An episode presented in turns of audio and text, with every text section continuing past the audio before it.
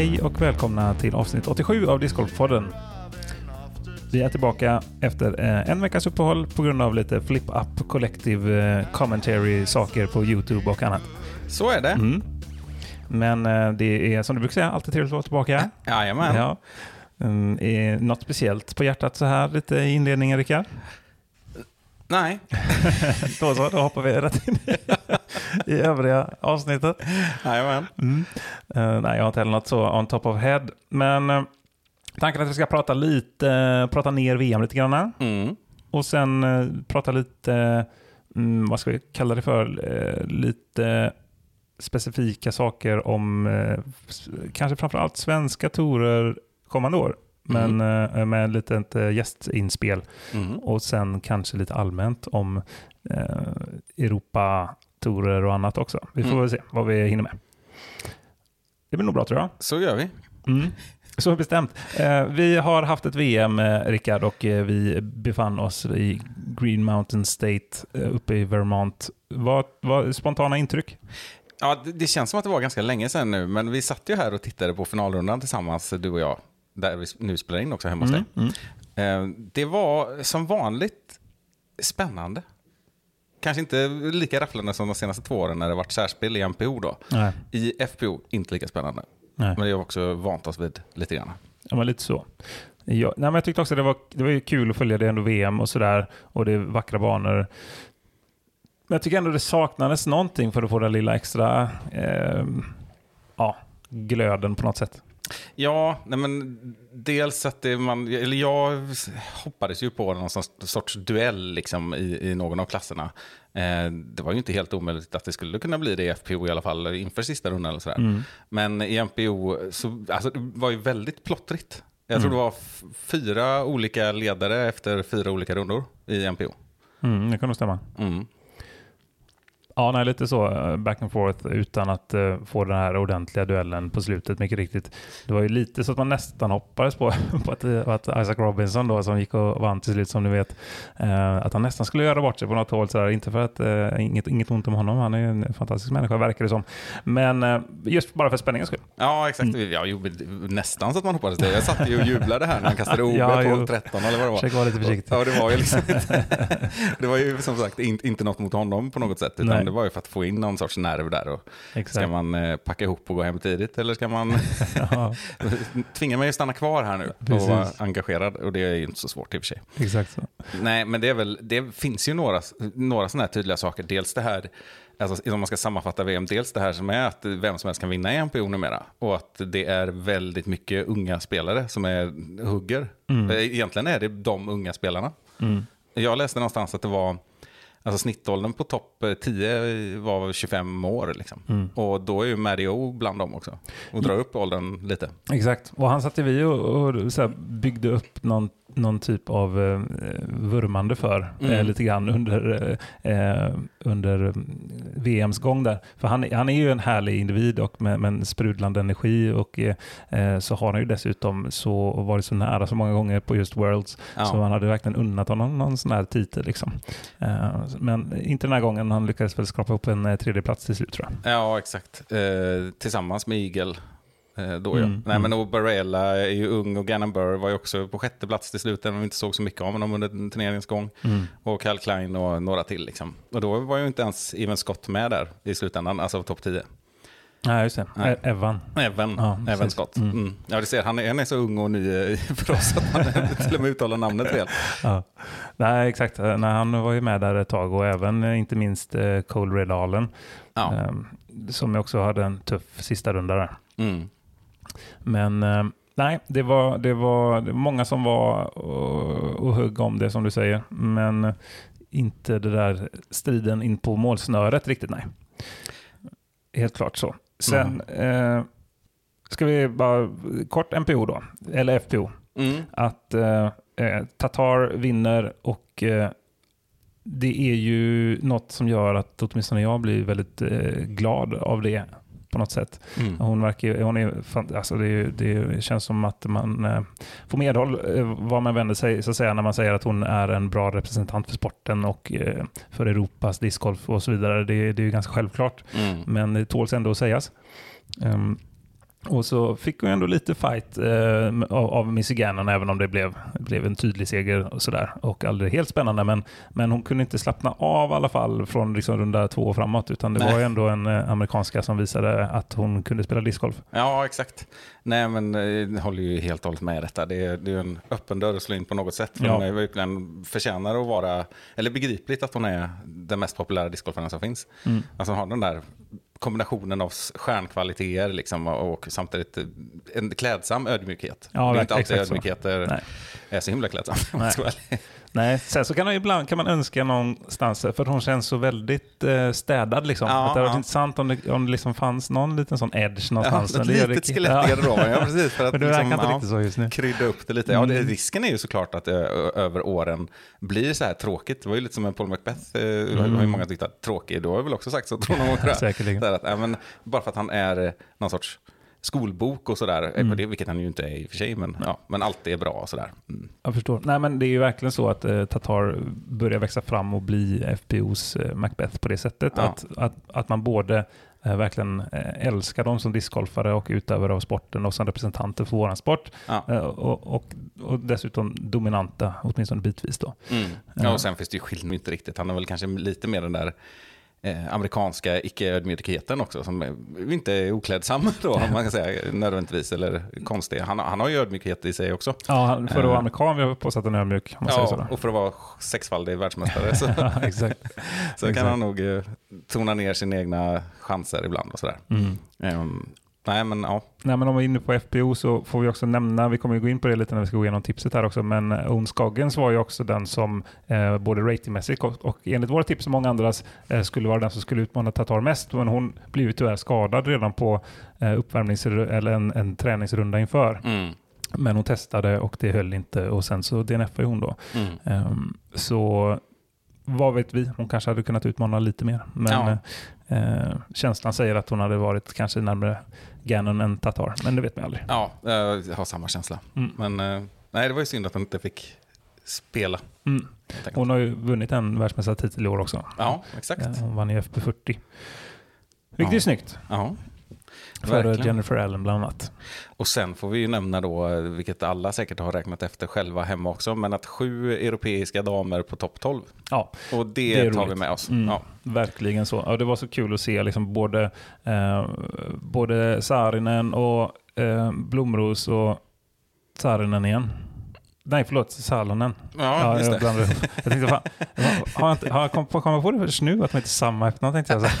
Så, så här gör Exakt. nu. Ja, jag Men, eh, tänkte så här, spelar hon med vänstern också?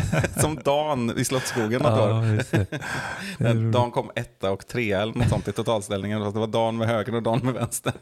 Ja, den är sjuk faktiskt. Spela varann, varannan tävling eh, Mm. så, med högerhanden. Ja, sjukt. Ja. Men eh, han kom ju för övrigt trea på KM i Skatos nu häromdagen bara. Aha. Mm. Så det, historien återupprepar sig. Ja. Lite KM-snack skulle vi kunna ta bara så här principgrejer. Eh, men vi sparar det. Ja, Vi visst. sparar det lite. Sätta en pinne i det. Ja, nej men just det här med den europeiska, eh, de europeiska framgångarna tycker jag är värt att prata om igen. Sånt där vi har pratat om tidigare. Mm. Eh, Det är ju inte bara som europé liksom, det är viktigt, utan, eller som jag tar upp det, eller gör det intressant. Det, det är ju för sportens utveckling på något sätt. Mm, verkligen. Och där var det ju ett ganska tydligt problem som vi inte riktigt, vi pratade ju inte om det i VM-specialen för det hörde kanske inte hemma just där, det kunde du gjort, men vi valde väl att inte göra så. Och du hade ju en bra lista där, hur det såg ut med eh, antalet europeer som deltog. Vad var det, 192 amerikaner i MPO och typ 15 europeer kanske. Ja, något i den stilen. Mm. Och det är ju, det är ju tragiskt. Mm. Och det är inte bra. Nej. Och det är PDGA som får, eh, som inte bryr sig helt enkelt. De skiter ju i det. Mm. Och det är, det är det värsta av allt. Och det är ju att det, att det alltid, alltid ska spelas i USA. Ja. Kommer få nämna det i varenda avsnitt tills de skärper sig. Mm. Jo, eh, ja, men verkligen så. Och det är ju, det är ju inte... sen ska vi inte säga att det är inte bara discgolfen det här är som det är, utan det är, det är ju typ USAs sport generellt. Ja. Att de kallar liksom eh, Super Bowl för VM-final också i stort sett. Liksom. Ja, ja, eh, men, men det är en annan eh, historia egentligen. Men, eh, ja, men vi kan väl sam- sammanfatta lite som du gjorde på damsidan där med sju euro- europeer topp 10 så hade vi ju tre europeer topp 20 då, på MPO. Mm. Och eh, då räknar vi Lisotte som en av dem på elfte plats. Mm. Och sen Lauri Lehtinen på trettonde och sen har vi, eh, eller fyra blir det ja, förlåt. Eh, Niklas Antila på nittonde och eh, Semrad på tjugonde då. Mm. Så det var ändå några som var och nosade, men det saknas eh, den där toppen. Och eh, som du är inne på, och som vi brukar vara inne på, så saknas nog den på grund av att bredden saknas. Ja, men det, ja men precis, och det, det blir ju helt olika eh, vad ska man säga, spelplaner på något sätt. Hade det här spelats i Tammerfors, då hade vi haft en massa eh, finnar och europeer i allmänhet som hade kunnat överraska. Vi har ju till exempel inte Dennis Augustsson med här, det var två svenskar med då i MPO. Ehm, Eh, och ingen Hjalmar Fredriksson eller någonting, alltså som kan mixa till det här. Och ärligt talat hade det inte varit 192 amerikaner som kom till Tammerfors heller. Det Nej, det. jag, jag hade så spontant trott att det hade varit ganska 50-50 kopplat till Ja. USA och Europa om det hade varit i Europa. För det är fortfarande, de har ju fortfarande den största bredden eh, av de topputövarna. Men det hade verkligen levlat eh, playing fieldet. Ja, för, för att exakt. prata svengelska. Ja men, ja, men så är det ju. Och då, det är ju en sak om man sitter hemma i soffan och bara är fokuserad på liksom vem vinner eller någonting. Ja visst, då kanske det inte spelar jättestor roll, men mycket väl kunnat varit någon mer som var topp 10, topp 15, topp 20. Mm. Och säg till den eh, 19-åriga finnen eh, som inte spelade nu, men som hade kunnat spela och ta en topp 25-placering. Och att, om, hur det hade betytt för honom och hans karriär och utveckling och sponsorförhandlingar och allt möjligt. Liksom. Det är klart att det hålls, vi hålls ju tillbaka på det här sättet. Det eh, finns många aktivt, liksom. Evan Scott i Finland, liksom, så att Ja, säga. ja exakt. sätt. Precis. Mm. Eh, som, som inte får det här rampljuset då, Ja. särskilt ofta. Så nej, jag håller helt med. Eh, Det gör jag verkligen. Så det, det blir, ja, vi, vi, och vi kommer gå in lite mer på det senare här med europeisk discgolf kanske generellt då, om man säger. Mm. Men, men eh, så, så ser det ut i alla fall. Vad, vad tror du om, ska vi hoppa in lite i vårt eh, tips? Ja, det är klart. Det måste vi rätta. Jag, har, jag kan faktiskt inte riktigt jag, säga vem som gjorde bäst ifrån sig. Nej, och eh, när jag har rättat här så kan jag fortfarande inte göra det. För vi, vi har ju inte ett, haft ett tydligt system för det här, så det beror lite på hur man räknar. Ja. Ehm, men om vi säger så här då, för det var ju ganska jämnt. Uh, vi kan ju bara riva av plåstret och säga att jag var bättre FPO och du var bättre MPO. ja, så Eh, måste det ha varit ja. Ja. Och eh, jag var tydligt bättre i FPO och du var tydligt bättre i MPO. Vi hade ju eh, rätt i känslan med Katarina Allen i alla fall. Ja, Men det ja, var ju en precis. liten oro där att eh, Mm. hon skulle gå och vinna eller något igen när hon inte har henne på topp tre ens. Ja, precis. Man vet aldrig. Nej, hon hade inget bra VM. Eh, kan man inte påstå. Nej. Och eh, Tatar hade vi båda som segrare. Det fick vi ju in då. Sen hade vi Owen båda två och Mm. hon försvann ju. Så det, de tar ju ut varandra om man säger då. Ehm, och sen, sen vann ju min trea över din trea då. Jag hade ju Valerie Manduano som kom på sjunde plats. Ja, just det. Så var det ja. ja. Och du hade Hailey King som kom på trettonde plats. Inga av dem var ju något dåligt val om man säger då. De var ändå, de var ändå med där uppe. Eh, och sen hade ju jag en eh, tydlig seger på, på eh, Silva Saarinen. Silva Saarinen som bubblare, ja. Men vi måste ändå ge en shoutout till din bubblare, Alex Ja. Benson, som gjorde kanonbra ifrån sig. Eh, ja, åtminstone tre och en halv av fem rundor. Liksom. Ja, exakt. Ja, men hon gick ju lead card på runda tre. Ja. Och ärligt talat, handen på hjärtat, alla ni som sitter och lyssnar nu, har ni hört talas om Alex Benson förut? Nej, det är väldigt bra. Jag är väldigt nöjd med att jag prickade Ja. en lead card på runda tre. Det är, det är riktigt snyggt. Hon, eh, det var kul och jag hade inte sett henne spela innan. Så, man såg att hon hade lite old school-stilen på något sätt. Jag Ja. tyckte det var lite gött. Ja, exakt. Eh, men- så hon kom ju på 22 plats till slut. Då. Eh, fortfarande en bra placering. Ja, ja. Ehm, eh, så, så ser det ut där då. Och så på, på här sidan så, eh, så var det lite omvänt. Då. Eh, där slog din, eh, för där hade vi samma ett och två ska vi säga. Mm. Vi hade Paul Macbeth båda två, han kom på 13 plats. Och vi hade Calvin Heimberg båda två som kom på en femte plats. Mm. Eh, omvänd ordning där. Mm. Och sen så hade du Eagle eh, som kom på tredje plats. Det är ju snyggt. Jag hade Chris Dickerson som var med länge och kom på nionde plats till slut. Mm. Också ett, ett skapligt val. Eh, och sen så var våra bubblare en bit ner båda två. Min var längre ner än din. Eh, jag hade Jake då, Hebenheimer, kom Just på det. sjätte, sjätte plats och du hade Paul Cran som kom på 40 plats. Ja. Eh, Det var ju förra årets bubblare, Simon. Ja, precis.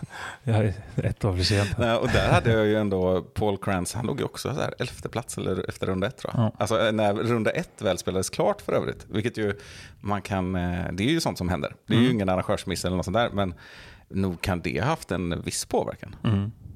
Det Ja, var ju, det var ju rörigt där. Ja, verkligen. Sen om man räknar ihop sådär exakt eh, antal placeringar eh, och eh, slår upp allting, då kommer du lite före. Eh, alltså att du har eh, ett lägre, eh, ja, lägre siffra. Mm. Så det, det skulle ju kunna vara en edge då. Mm. Som för, så tror jag du räknade förra året. Ja, jag Ja. kommer inte ihåg, men jag kommer inte ihåg om vi la ihop det eller vad vi gjorde. Men, Ehm. men man kan ju också utvärdera lite så här. Jag, jag är fortfarande ganska nöjd med mitt tips faktiskt. Mm. Inte, inte kanske tredjeplatsen i eh, FPO. Ja, fortfarande inte dåligt. Nej, nej, absolut inte. Men det, det fanns efteråt betydligt bättre kandidater. Mm. Varav Michigan var en ganska uppenbar så- sådan Mm. egentligen. Mm. Men ja, nej. Eh, Jag är faktiskt också ganska nöjd. Så sammanfattningsvis så, ja, vi kan, antingen, du, får- du får bestämma då. Antingen så vinner du för att du vinner i totalen. Sen så får vi lägga in att du hade en som var en ratingpoäng för högt på. så tänker Det jag var kanske tar ut Ja, varandra. jag, kan, ju- jag kan inte Kan vi ens... få ett oavgjort jag resultat? kan ju inte ens säga att det var så här, ja, men det var otydligt om det var över, eller upp till 1020 eller ja. Ehm, nej, ja, den, jag hörde ju rätt men tänkte fel ändå. så det, ja, det är svårt. Ja, du, du, får avgöra, du får avgöra om du vinner eller om det blir oavgjort så att vi har lika inför nästa år också. Eh, nej, men oavgjort då. Tycker men jag känns fint. sportsligt. Ja. Ja, vad gulligt av dig. Mm. Då kan jag sova gott i natt. Det var inte alls någon sån här mördad blick här som påverkar mig. Eller så. Ja, men känn, då, efter nu då, innerst inne i ditt hjärta. Ja, jag, jag fiskade efter den, gjorde jag. Jag försökte titta lite här också. Det som kunde vara intressant är ju vem, vem vi skulle ha valt som bubblare. Och det var ju en ganska uppenbar i NPO då. Det var ju bra. Grady Shue. Bra idé faktiskt, jag har inte Ja. ens tänkt på. Grady Shue kom ju på 17 plats. Han ju faktiskt bara 1013 vid tillfället. Eh, Raven Newsom också delad där ju. Han har ju bara 1008. Så där var ju två. Ja, han var förvånad varje gång jag såg där uppe, Raven alltså. Det var Ja. ju kul. Jag sa väl det när han, när han eh, låg bra till här under resans gång när VM pågick. Att eh, honom slog jag på European Open förra året. Eller på första rundan. Ja, just det. Mm, Ja, det är mm. roligt. Han låg ju sist va? Så att, Ja, ja, vad, måste, vad snittar han egentligen? Jag måste nästan kolla det. Uh, ska vi se här. Raven Newsom. 1064, 1052, 1030, 1012, 1057. Ja, shit. Det är riktigt bra. ja. Han måste ju snittat över 1008 1040 spelare. Ja. Mm. Eh, och eh, det här också kom ju idag för oss som spelar in på tisdagskvällen här. Att eh, Tatar ny, nytt ratingrekord på Ja, 999. just det. Det är ju sjukt. Tangerat med dig. Eh, ja, exakt. Det, det var en tråkigare historia. Jag hade inte dratt den innan, jo det måste jag ha gjort. Men kortfattat så här att jag låg väl där över 990 ett år ungefär. Mm. Och så hamnade jag på 999 på en uppdatering. Så kände man, ja ja, men nu tar jag det nästa. Liksom. Eh, vad var det, dagen efter gick jag ut och tog ledningen på SM en 1036 runda eller något sånt där. Mm. Och sen har förfallet bara kommit. Så jag kommer ju aldrig högre. Ja, det, det är lite sorgligt faktiskt. Jag tror att Tatar har större potential att eh, komma en bit över faktiskt. Mm. Tanken slog mig dock när hon fick 999 att eh, det, Ja, tänk om det är kan ju bli att, liksom, ja, Ja, exakt, exakt. att hon aldrig kommer över den. 999-förbannelsen. Mm. Ja, vad hemskt. Ja, Ja, men tänk om det blir sådär nu, lite som med... Ja, men Duplantis hade ju också en sån. Mm. Eh, Ja, han höll ju på, vad var det, 50 hopp eh, där för Mm. att ta världsrekordet vid ett tillfälle. Mm. Det tog ju två år eller något. Kan, tänk, om det börjar bli så här nu, att hon inte, om hon går ner lite i slutet av året här nu till 995 igen och så Ja. sker det inte under första halvåret nästa år, ja, då, ja, då kan man börja... Då kan det bli jobbigt. Ja, verkligen. Ja, intressant. Uh, Känslan är dock i och för sig att hon kommer bara höja sig. ja, Faktiskt. Om det inte är så att hon drar med sig, liksom, ändrar spelreglerna för hela fältet nu och nu måste alla prestera liksom, på ett helt Mm. annat sätt. Och också, ärligt talat, det här är en spelare som eh, lockar ganska mycket nya unga talanger också in i sporten. Mm. Det tror jag. Ja, ja, ja, absolut. Eller det tror jag, det vet vi alla att hon gör. Jo. jo, men hon är ju så pass stort namn i Estland. Liksom. Ja. Att, eh, hon, blev hon inte utsedd till eh, alltså, bästa Åh. kvinnliga idrottare? ja, Jag tror det. Det är ju häftigt. Ja, det, är liksom säger inte- ganska mycket. Alltså, I Sverige så hade du, eh, André Pops inte ens, uh, nu är det inte han som avgör det, men han, ofta han som annonserar det kanske. Jävla Han får André bilder. Pops alltså. Ja, jag älskar den jäveln så det är inte det. men eh, jag menar att eh, det, det, eh, juryn eller det nu som utser det där då, hade liksom inte ens kollat på discgolflistorna. nej, säger. nej, nej, nej, absolut inte. Jag tror inte det hade hjälpt med ett VM-guld där. nej. Det, nej, nej. Så där det, är det inte. Så det är det, det som är så fint när, och det krävs nog att det sker i en så pass liksom liten nation. Nu är Sverige en liten nation också. Ja, men vi har, vi har trots allt väldigt mycket framgångsrika idrottare i väldigt, vad kan man säga, olika grenar. Ja, så är det. Så är det. eh, per capita. VM-guld finns. Ja, exakt. Och vi, det finns ju undantag här. Så, alltså, det är det här som är så hemskt att säga att Tove Alexandersson vann ju ändå Jerringpriset och så vidare. Mm. Eh, orienterare. Eh, men orientering är en asstor sport. som Mm. liksom, ja, det är en folksport Jo. som hamnar med väldigt mycket i skymundan. Så det, det, är- det är ett dåligt exempel. Men vi är väl, det är väl den vägen vi får gå också. För vi Mm. är ju trots allt eh, någon sorts folksport. Ja, nej precis. Nej, jag kan inte komma ihåg eh, hur många liksom, estländare man har sett. Eh, I alla fall, alltså det var ju för typ så här 15 år sedan så fanns det ju sån här i längdspåren, så här Jack Mae. Typ. Mm. Och eh, det var ju även en, vad hette han nu då, mångkampan. Ja, Ehm, just det. Ja, ja det står still. Ja, i alla fall inom friidrotten då, som tiokampen som var väldigt framstående under en längre period. Mm. Men det är som sagt, det är, vi snackar ju 90-tal och tidigt 2000-tal kanske. Eh, och sen finns det typ Raul-Olle Ja, som exakt. vann, eh, han vann med Vasaloppet. Ja. Också typ 15 år sedan kanske. Ja, precis. Det är i alla fall de jag kom på. Jag ber om ursäkt Vet- om jag glömt.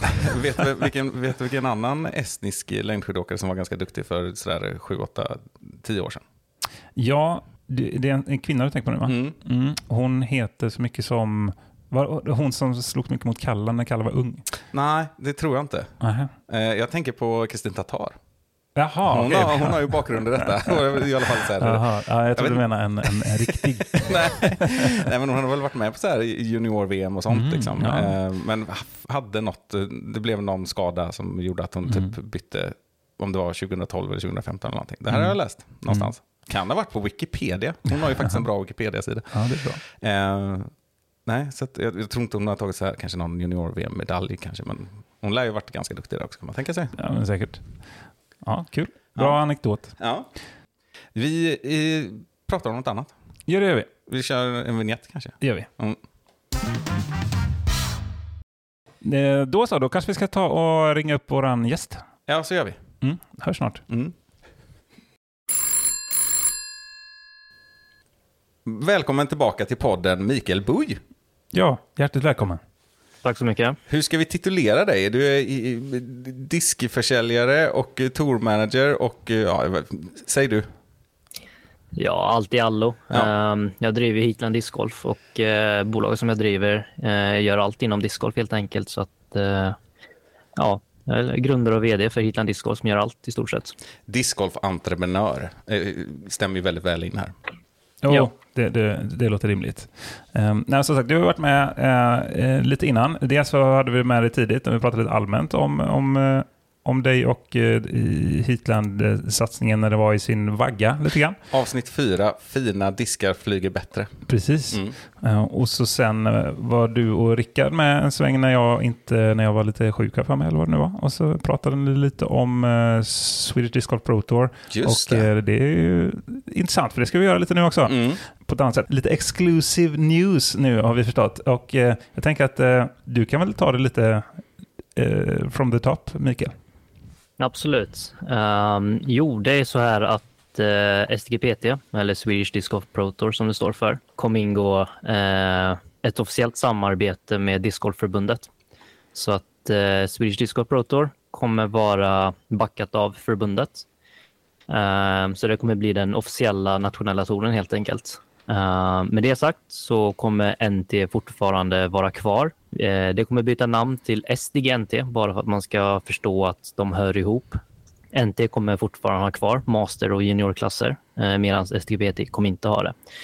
Man kan efterlikna med uh, DGPT Silver Series och SGPT blir typ som Elite Series kan man väl säga, där man fortfarande samlar poäng i NT för to eh, totalen i SDGPT, men att man får reducerade poäng. Då. Mm, just det. Det låter intressant, måste jag bara spontant flika in. Och jag tycker det låter som ett spännande upplägg. Mm. Ja, så att eh, vi kommer gå ut med det här officiellt eh, någon gång nästa vecka gissningsvis. Eh, men eh, det kommer vara så att, eh, att NT-upplägget kommer mer eller mindre vara oförändrat. Det kommer vara lite små justeringar. Eh, NT kommer spelas över två dagar, eh, lördag och söndag. Och eh, STGPT kommer fortsättningsvis spelas över tre dagar, fredag till söndag. Är det fortsatt en runda per dag som man tänker? Eller NT, tre, två runder på lördagen och en på söndagen. Ja, det stämmer. Så Mm. att eh, det är fortfarande tre runder för båda tävlingarna. Eh, där man egentligen kanske testar lite uppstickare till banor eh, och, och sådär. Medan SGPT försöker hålla sig till eh, lite mer etablerade banor på det sättet. Ja, men det här är ju jättespännande och vi, vi, kan väl, vi, får, vi, vi, vi testar att vara lite pedagogiska här. För det första då, STGPT är den eh, professionella touren som du har drivit i två säsonger. Eh, ska, det är andra säsongen som ska avslutas nu, eller hur? Ja, Och nationella touren som är då förbundets egna, den har ju funnits i evigheter, vi nöjer oss så. Eh, Men här har det ju då också, alltså det har ju skett, det har ju hänt så mycket, samtidigt som eh, förbundet har ju liksom inte som fokus att eh, göra stora tävlingar och locka sponsorer, då, men kanske inte heller resurser till det. Nu är inte de, någon här och, och, och kan förklara exakt så, men det är ju den utvecklingen som har skett, att konkurrensen har blivit väldigt hög. Eh, de stora starka startfälten på svensk mark har ju funnits då i STGPT de två, så, två senaste åren. Det är ju väldigt tydligt. Därmed inte sagt att det inte har varit väldigt meriterande att vinna en NT, men det är skillnad och klasskillnad på, på både prispengar och, eh, och miljö och eh, allt runt omkring och startfält helt enkelt. Mm. Och, och det, bakgrunden till samarbetet var egentligen att eh, eh jag förde dialogen med förbundet och vi båda var överens om att eh, det är lite dumt att slåss om samma deltagare.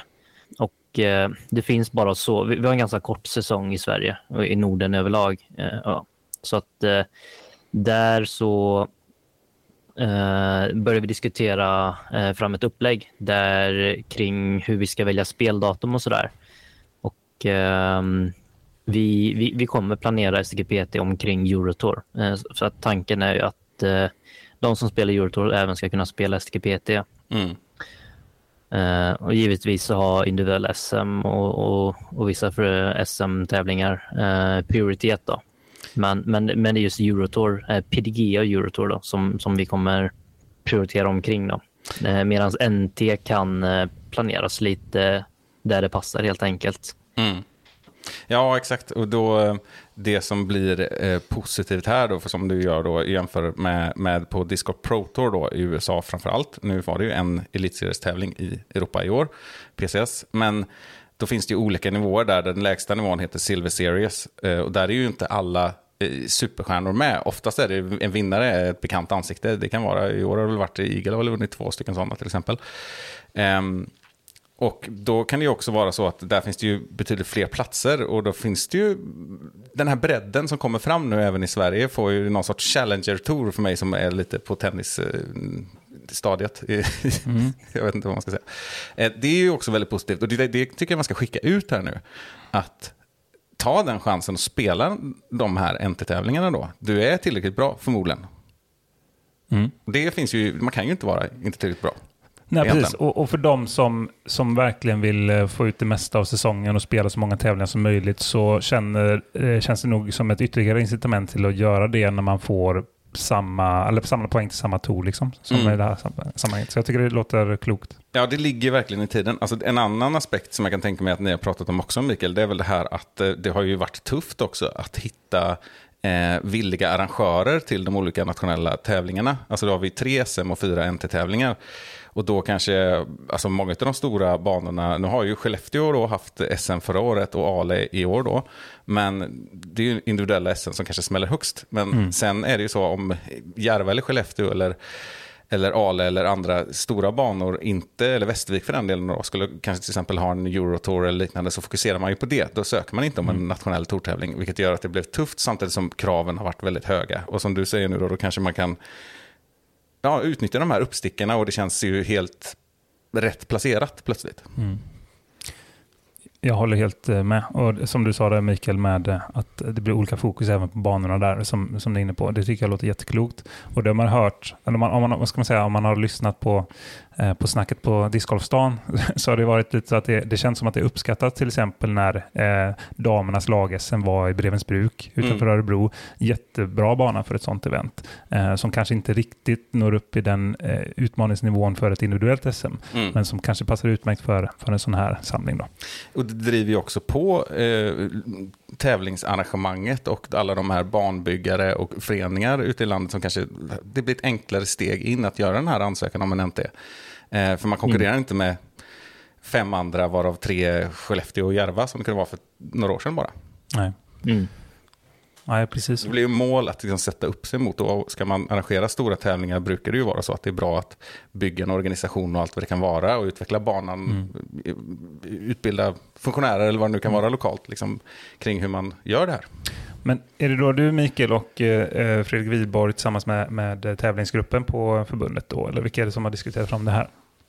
Ja, men precis det stämmer. Eh, jag har haft mest diskussion med, eh, med Fredrik och, eh, och Mattias. Mm. Så de har ju varit the messenger då, mot tävlingsgruppen och även styrelsen.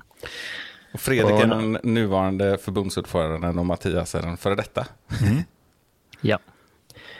Och det som, jag vet inte om jag sa det, men STGPT kommer fortfarande eh, drivas och arrangeras av, eh, av Heatland Disc Golf medan eh, STGNT i det här fallet då kommer fortfarande drivas av förbundet och även att förbundet fortsätter driva sina SM-tävlingar. Mm. Du får säga om det är något som du inte kan gå in på, så här, men kommer det vara så att eh, det eh, ekonomiskt kommer att eh, att växeldras också eller kommer, kommer typ sponsorerna för Heatland och STGPT gå in och stötta STGNT och kommer förbundet gå in och stötta STGPT? Förstår du vad jag menar? Mm. Um, det är inte bestämt än där exakt hur vi ska göra. Uh, men ja, det, vi, kommer, vi kommer ses som separata. Söker vi sponsorer så kommer jag söka för STGPT och inte mm. STGNT. Mm. Men sen å andra sidan, uh, det kan vara så att uh, sponsorer vill vara med på bägge delarna. Och då kanske man kan se på någon sorts att man delar på någon pott där. Men, men det är inte helt bestämt än hur vi ska göra där. Mm. Just det. Ja, men det är intressant. Ehm, det är intressant. Ja, men det, det är väldigt spännande. Det finns ju också den här aspekten eh, som man har märkt av. Och, att, och det kan vi nog alla tre säga att vi har haft kontakt med. Liksom. Men ja, ska man ha stora arrangemang så märker man ju ganska fort det här fördelen av att, av att det är en samverkan mellan både det här ideella, eller rättare sagt eh, alltså föreningsekonomiska, det är ju rent skattemässigt och allt möjligt, momsbefriad verksamhet kopplat till att vissa saker måste man nästan göra via företag eh, för att inte då åka på att man som förening eller förbund då i detta fallet eh, blir, ja, förbundet kanske är momspliktigt, vad vet jag, men i alla fall, det, det är olika typer av ekonomiska upplägg liksom. Mm. Jo, det kan, vara, mm. det kan ju bli stökigt om man liksom ja, flätas in för mycket också antar jag. Ja, ja eller mm. ja, ja, precis. Ja. Men eh, jag hoppas i alla fall att eh, det här samarbetet kan, kan lyfta båda torerna. Att eh, vi tillsammans arbetar mot en, en bättre tor som helhet. För he, hela poängen är ju att, att det ska gynna proffsen i Sverige och att man på sikt ska kunna leva på sporten. det, har, det har mina ambitioner varit med STKPT sen, sen vi började helt enkelt. Mm. Mm. Ja, men det känns som en helt uh, rätt vision. Och uh, Det känns som att det som är något som uh, discgolfvärlden i helhet och även Europa i en lite mindre del då skulle må bra av. Mm. Um, och och det har vi ju pratat lite sporadiskt om det här med de större Europatorerna också och annat. Och vad händer egentligen med samarbetet med, eh, med eh, Disc of Pro Tour och Europa och EPT och PDA Eurotour. Och, eh, det är nog många frågetecken ute i stugorna. Och det är det, vi kan väl säga att även om vi inte sitter på alla svar så är vi kanske lite inblandade på något sätt alla tre av oss. Så att vi, vi, vi kan väl också bara säga för att eh, på något sätt eh, ge vatten på den kvarnen att ja, det är lite rörigt mm. när det kommer till mycket.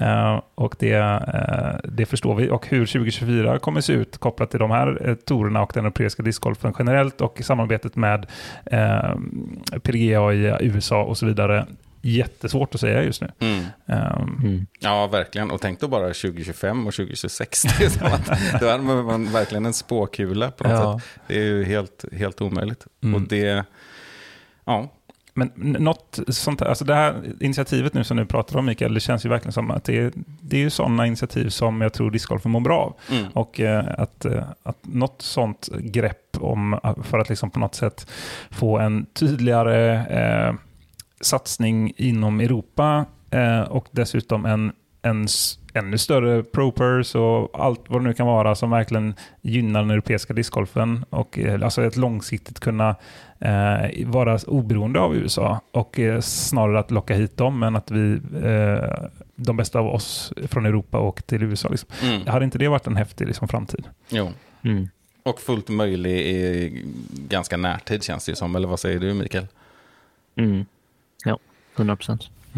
Ja, men det känns bara som spelas korten rätt så kommer vi hamna där till slut. Så tror jag verkligen. Ehm, Jag vet inte vad vi kan gå in på mer när det kommer till det just kanske, men eh, vi får väl bara hoppas på att det blir så bra det kan bli. Man kan ju sammanfatta det med att det är, är ju den här delen av året, eller traditionellt sett kanske lite senare, men förhoppningsvis är det väl, går det ju mot tidigare och tidigare, som den här spänningen börjar höjas lite för hur kommer nästa års spelschema se ut. Och den spänningen blir bara större och större, eller helt ärligt. Ehm, Och ett tuffare tuffare pussel att lägga, vilket Mm. också är kanske en liten problematik då. Men det är också, du säger att det kan bli snart, det, i och med att det är så osäkert nu kopplat till hur det faktiskt kommer se ut med de olika torerna och, och var och när och så vidare.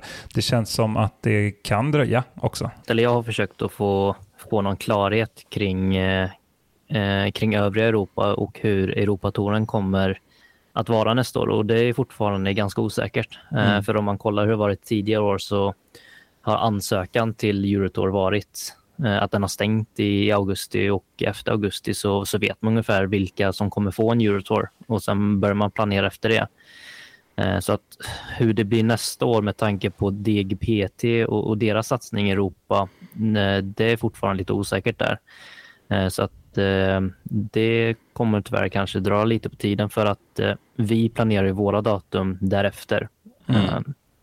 Eh, eh, För att vi vill såklart att de toppspelarna i Europa kommer antagligen prioritera de tävlingarna eh, och då får vi välja de helger som inte eh, eller som är lediga helt enkelt. Eh, och det kommer bli så att man kommer behöva stretcha väldigt mycket på säsongen som det går. Att man, man börjar så tidigt som det går och avslutar så tidigt som det går. För att majoriteten av de stora tävlingarna i Europa kommer vara just omkring European Open. Eh, Jag kallar lite för the golden month där, två veckor innan och två veckor efter European Open. Eh, Det är då, det som, det är då vi har eh, folk från USA i Europa helt enkelt. Eh, Men sen eh, när, när, när man hör snacket bland, bland proffsen och så här så, så känns det som det, det är väldigt många från USA som, som har tittat lite på Macbeth och, och hans torande i Europa i år och eh, funderar på att göra liknande grejer. Att man, man kör en eh, kortare intensiv tour i Europa på kanske två månader och sådär. Så att eh, eh det, det verkar som att Europa kan vara lite av eh, eh en insteg. Eh, framförallt också om, om DGPT nästa år kommer ta ett, ett större kliv i Europa. Så, så, så det ska bli spännande att se hur, hur, hur den framtiden kommer se ut. Ja, jag tror vi var inne på det eh, i ett tidigare avsnitt här, eller några avsnitt sedan. eh, Jag pratade om det här att det finns en, en oerhörd nyfikenhet eh, även bland tittarna uppenbarligen. När man jämförde då till exempel Åland Open med Mid America Open som, har, som ändå har spelats i typ 40 år. Eh, att man kanske vill ha det här lite nya, men också pratade, jag tror jag nämnde det, att Eagle uttryckte också det, att han var sugen på att göra som en Macbeth, uttryckte han på Åland. Att, att göra en, en längre europeisk liksom, sväng. Eh, och var det, var det någon sorts konstig översättning av swing? Ja, det var det. European swing, ja det var det säkert. Men ta en sväng i Europa helt enkelt. Ja. Nej, men och sen det som kanske är lite problematiskt eh, till viss del, det är väl att det, ekonomiskt finns ju kanske inte de förutsättningarna för så himla många amerikanska spelare att göra det. Utan där blir det ju då det vi pratar om att Alltså är du inte, är du inte topp 30 så vet du tusan hur du ska finansiera det, ärligt talat. Eller? Mm. Alltså pengarna, kom, eh, pro person ökas i stadiet i Europa Ja. och eh, eh, ska inte sticka under stolen med att du behöver inte spela lika bra i Europa för att vinna. Um, det är ganska, det kanske är två, tre kast eller kanske ännu fler kast lägre per tävling eh, som för att vinna en Eurotour. Mm. Men prispengarna är inte så långt därunder så att eh, jag tror det kan vara eh, ett, ett incitament för i och med att eh, det är väldigt tufft i USA att, att vinna en tävling i USA. Så att det kanske kan bli ett instrument för dem som eh, kanske ligger runt 10-20 snåret att ja, men Tora i Europa gör ett namn för sig Mm. och, och synas ganska mycket. Eh, det kan vara väldigt lockande. Mm. Eh, jag har väldigt nära personlig kontakt med James Proctor och Eric Oakley och de har ju sagt att det var samma sak där nu när de har varit i Sverige och Europa några gånger att de, de tycker att det är väldigt uppfräschande att eh, de kan bygga sitt varumärke till en, en annan eh, eh, en annan bas helt enkelt. Att europeiska fans, att de, att de bygger lite där för att Mm.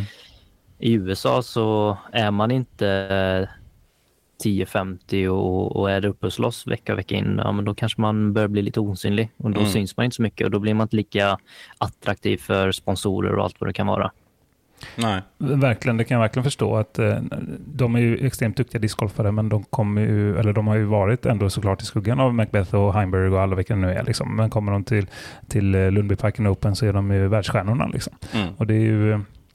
Eh, det kan jag verkligen se och eh, förstå att, eh, att det uppskattas. Um, så det finns väl en balansgång där också antar jag. Till hur, hur många krävs det för att det ska fortfarande vara den, den glansen på alla. Liksom. Mm. Men um, nej, jätteintressant och en spännande utveckling framför oss. Mm. Um, är det något annat som vi vill ta upp här? Ja, ehm, en ganska vanlig fråga, eller inte jättevanlig fråga, men, någonting som eh, folk undrar eh, till mig, det är väl egentligen hur blir man en arrangör av SDGPT och NT? Mm, jättebra. Och, och det är flera som, som har visat lite smått intresse och sådär. Eh, och det jag kan säga egentligen är att eh, ta kontakt med, med oss som, arra- som, som är arrangörer, eh, Heatland Discgolf och för SGPT och, och förbundet för NT. Eh, och, och, och hur urvalsprocessen görs för STP, det, det, det är väl det enda jag kan säga om. Och vi, vi hade tidigare officiella ansökningar, men eh, vi, vi tyckte inte det gav så mycket. Och eh, istället så går vi mycket kring dialoger, att vi pratar med eh, arrangörer, banägare, föreningar. Eh, för att jag har ett hum om de här eh, banorna är bra, här vill jag arrangera en tävling. Och så för jag en dialog med den, med den föreningen eller arrangören att eh, kan, kan vi göra någonting? Så att så att mer eller mindre ta kontakt och så kan vi kolla vad, vad som är möjligt. Eh, någonting som är värt att notera är att det räcker inte bara att man, man har en bra bana. En bra bana är ju eh, grunden till att eh, man ens eh, funderar på det. Men det, det är ju väldigt mycket runt omkring ett arrangemang. Och eh, det krävs väldigt mycket eh, arbetskraft. Det, det kräver en hel tävlingsstab. Eh, och förutom tävlingsstaben ska du ha volontärer som kan eh, hjälpa och vara med och, och göra så att tävlingen blir eh, väldigt lyckad. Eh, så att volontärer till spotters, det kan vara announcers, eh, matlagning eh, och allt däremellan egentligen. Så att eh, det är inte bara banan utan du ska ha eh, mankraften där till att och, och helst också kanske erfarenheten att, att eh, driva tävlingar. Eh, jag vill ge en, eh, en stor shoutout till, eh, till grabbarna på Ymer som har drivit Swedish Open. Eh, väldigt, väldigt bra. Och, och det skulle jag nog säga som ett praktexempel. Nu har inte jag de förväntningar att alla föreningar ska, ska ligga på deras nivå. Men, men det som är väldigt skönt eh, sett från, från mig som arrangör av touren är att eh, eh, föreningar så som Ymer är väldigt självgående. Eh, jag, jag kan mer eller mindre bara mm, släppa alla tyglar och bara ni sköter det här och, och veta att tävlingen eh, drivs av sig själv genom föreningen helt enkelt. Och, och det är lite där jag vill gå mot att eh, eh, att, att det är föreningar som, som, som tar mycket ägande kring, kring tävlingen på deras bana helt enkelt. Mm. Ja, verkligen. Ymer, som vi lyfter så ofta här. Mm. Och gänget där. Stark klubb. Ja, det får man säga. Mm. Verkligen. Ja, men bra inspel där eh, Mikael. Att, eh, ta kontakt med, eh, med Mikael eller förbundet då om ni är sugna på att arrangera där ute. Och det finns det säkert några som är, Mm. tänker jag. Bra. Funderar på om vi ska eh, gå vidare. Ja, men jag Och, tror det. eh, Sådär. Det har varit ett eh, bra samtal, informationstätt och eh, bra helt enkelt. Och det är nog inte sista gången vi, vi hörs i det här sammanhanget, Mikael. Har jag en känsla av. I Nej. podden alltså. Mm. Nej då, det finns eh, mycket att ösa ur från eh, de värmländska skogarna. Så är det. Mm. Ja men bra då. då. eh, Då får vi säga så här, tack så jättemycket för att du var med i avsnitt 87 av Discgolfpodden, Mikael Böj. Ja, tack så mycket. Tack så mycket.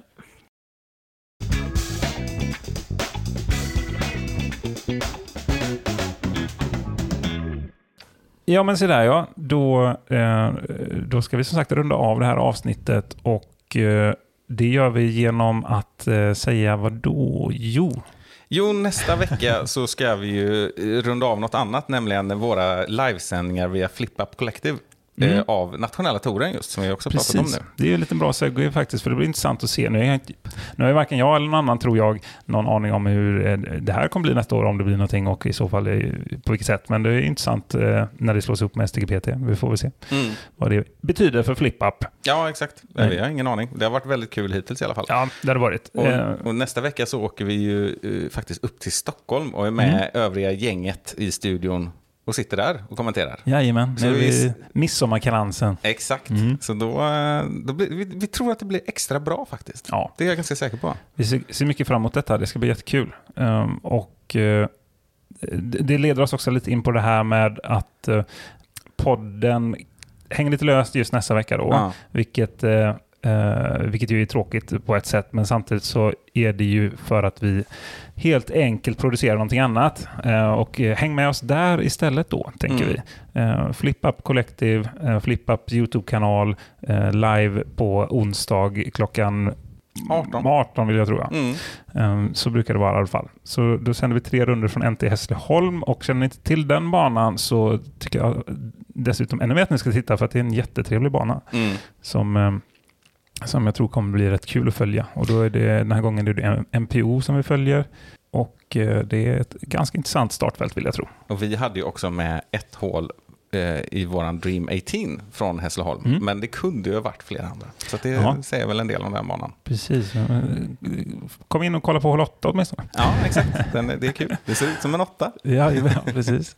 Och vi kommer lotta ut eh, lite giveaways och sånt där även den här gången. Ja, och då kan vi passa på att skicka med här också att i alla fall innan nästa avsnitt släpps så ska den här giveawayen med Holland Open komma Just ut det, också. Precis. Som jag pratat om. Men jag gissar att det, det kanske inte är så många som sitter och, och liksom, ja, men nästan är irriterade nu på att det inte kommer ut. Men eh, ni kommer nog vara väldigt sugna när den kommer ut, så håll utkik. Ja, håll utkik. Det kommer bli en, eh, ett paket man eh, väldigt gärna vill vinna. Ja, så är det. Bra, men ehm, ja, men då säger vi så här, avsnitt 87. Eh, säck knyts ihop. Mm. Rich Ratch, eller hur låter det? Ja, ja kanske. Filly bom bom bom. Filly bom. Bili bum bum bum. Eh, Knyt, knyt, knyt. Knyt, knyt, knyt. Ja. Och så lägger vi den säcken i en... Eh, Släde med ja, renar. Exakt, och så åker vi ut över Discgolf Sverige och så kastar vi ut eh, avsnitt 87 i form av ett paket. Ja, Mm. det var vackert och eh, ett tecken på att vi är dags att runda av när man, när man börjar bli så här trött. Härligt. Tack för idag Simon. Ja, ha det! Me driving after tea. Weather's looking good. I got a disc bag full of tricks. Yeah, I got them spinning. I'm listening to music you can't